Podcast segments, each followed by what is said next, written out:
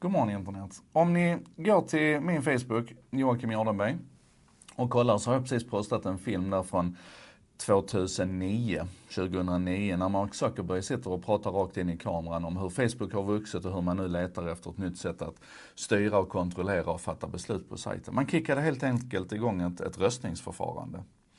Och det är så intressant att se för det är lätt att vi tror här nu i, i all uppståndelse att det här är första gången som Facebook har problem eller första gången som man försöker hantera problem. Så är det ju inte alls, men det är lätt att glömma de insatser och de försök som faktiskt har gjorts. Och jag tyckte det var värt att påminna om det här. 2009 så gick man alltså ut med ett röstningsförfarande. Det handlade om nya Terms of Service kan man säga. Och man lät användarna vara med och arbeta fram den här draften och sen så la man ut två förslag till röstning. Och eh, 665 654 personer röstade faktiskt. Problemet är att det var bara 0,3% av antalet användare på sajten. Facebook hade committat sig till att om 30% av användarna röstade så skulle det här vara ett bindande beslut, en bindande folkomröstning kan vi säga. Um, nu valde man ändå att göra som användarna tyckte, men, men ni förstår, det här är ju en alldeles för liten minoritet. Sen höll man på och experimenterade med det här egentligen från 2009 fram till 2012 när man hade den senaste stora omröstningen. Och då var det, ett, ett, då var det enorm uppmärksamhet runt den här, den här ändringen som man ville göra. Och ändå så var det bara ungefär lika många som var inne och röstade. 668 500 och det var då nere i 0,066 procent. Alltså en avsevärt ännu mindre andel av användarna.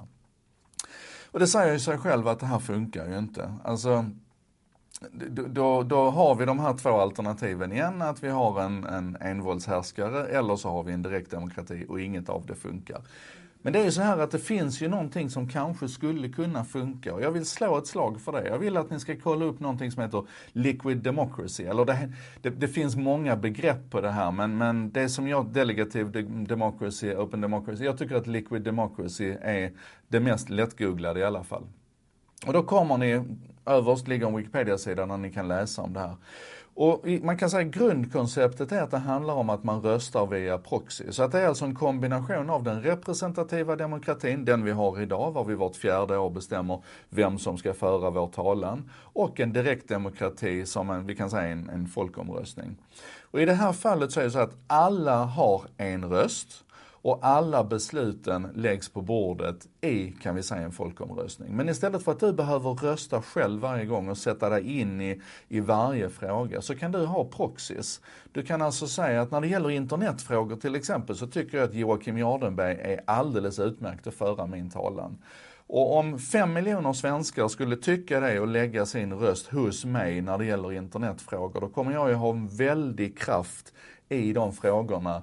Och då hade jag ju sett till att vi hade fått ett, ett, ett fantastiskt internet där, där vi hade, verkligen hade kunnat använda digitaliseringen som hävstång för att rädda välfärden och sånt. Och nu börjar det här låta som att jag kandiderar till internetminister. Det är väl ungefär det jag hade gjort om vi hade haft liquid democracy.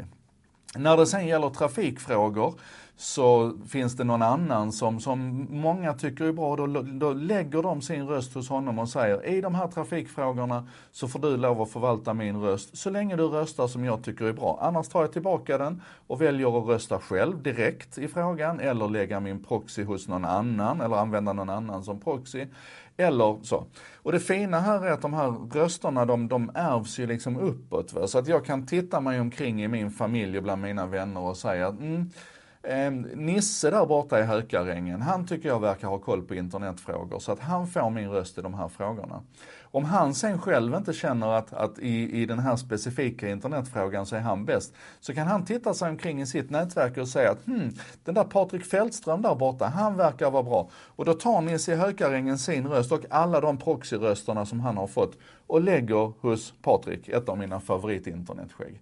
Är ni med på den här principen? Och i sjukvårdsfrågor så är det någon annan som vi låter rösta för oss. Och det här är ju någonting som har varit omöjligt innan tekniken gjorde det möjligt. Och då är det så spännande att det har gjorts en del försök här. Piratpartiet har utvecklat någon programvara, men jättetidigt så var det faktiskt ett gäng i, i Vallentuna Eh, en förort i Stockholm som ni vet.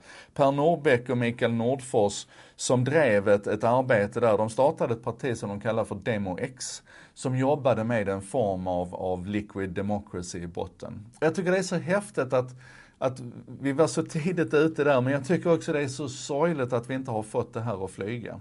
Och nu testar man på lite olika håll och kanter med de här lösningarna och är det någonstans som jag tror att det här hade kunnat vara en bra poäng, så är det på Facebook. För vi finns redan i den här tekniska plattformen och med relativt enkla medel hade man kunnat föra in en sån här eh, voting by proxy-lösning. Och då kanske man hade sett ett mycket större engagemang än de 0,066 procenten som man såg 2012. Det är vad jag tänker. Vad tänker du? Låt oss klura på detta. Kolla upp Liquid Democracy och, och, så kan vi väl börja med att se hur skulle det funka på Facebook och sen kan vi fortsätta med att fundera på hur skulle det kunna funka om vi hade gjort det här i, i, den, i den fysiska världen också. Tänk om Sverige kunde bli först med Liquid Democracy, vad häftigt det hade varit. Då hade jag sett till att bli internetminister. Nej, men hörni, kolla på det här och så ses vi imorgon igen.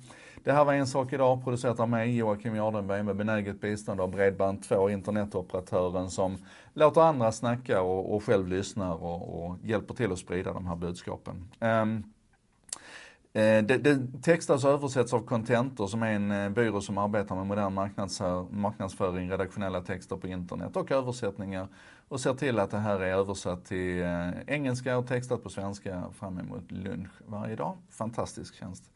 Eh, och som sagt, Liquid Democracy, vi ses imorgon.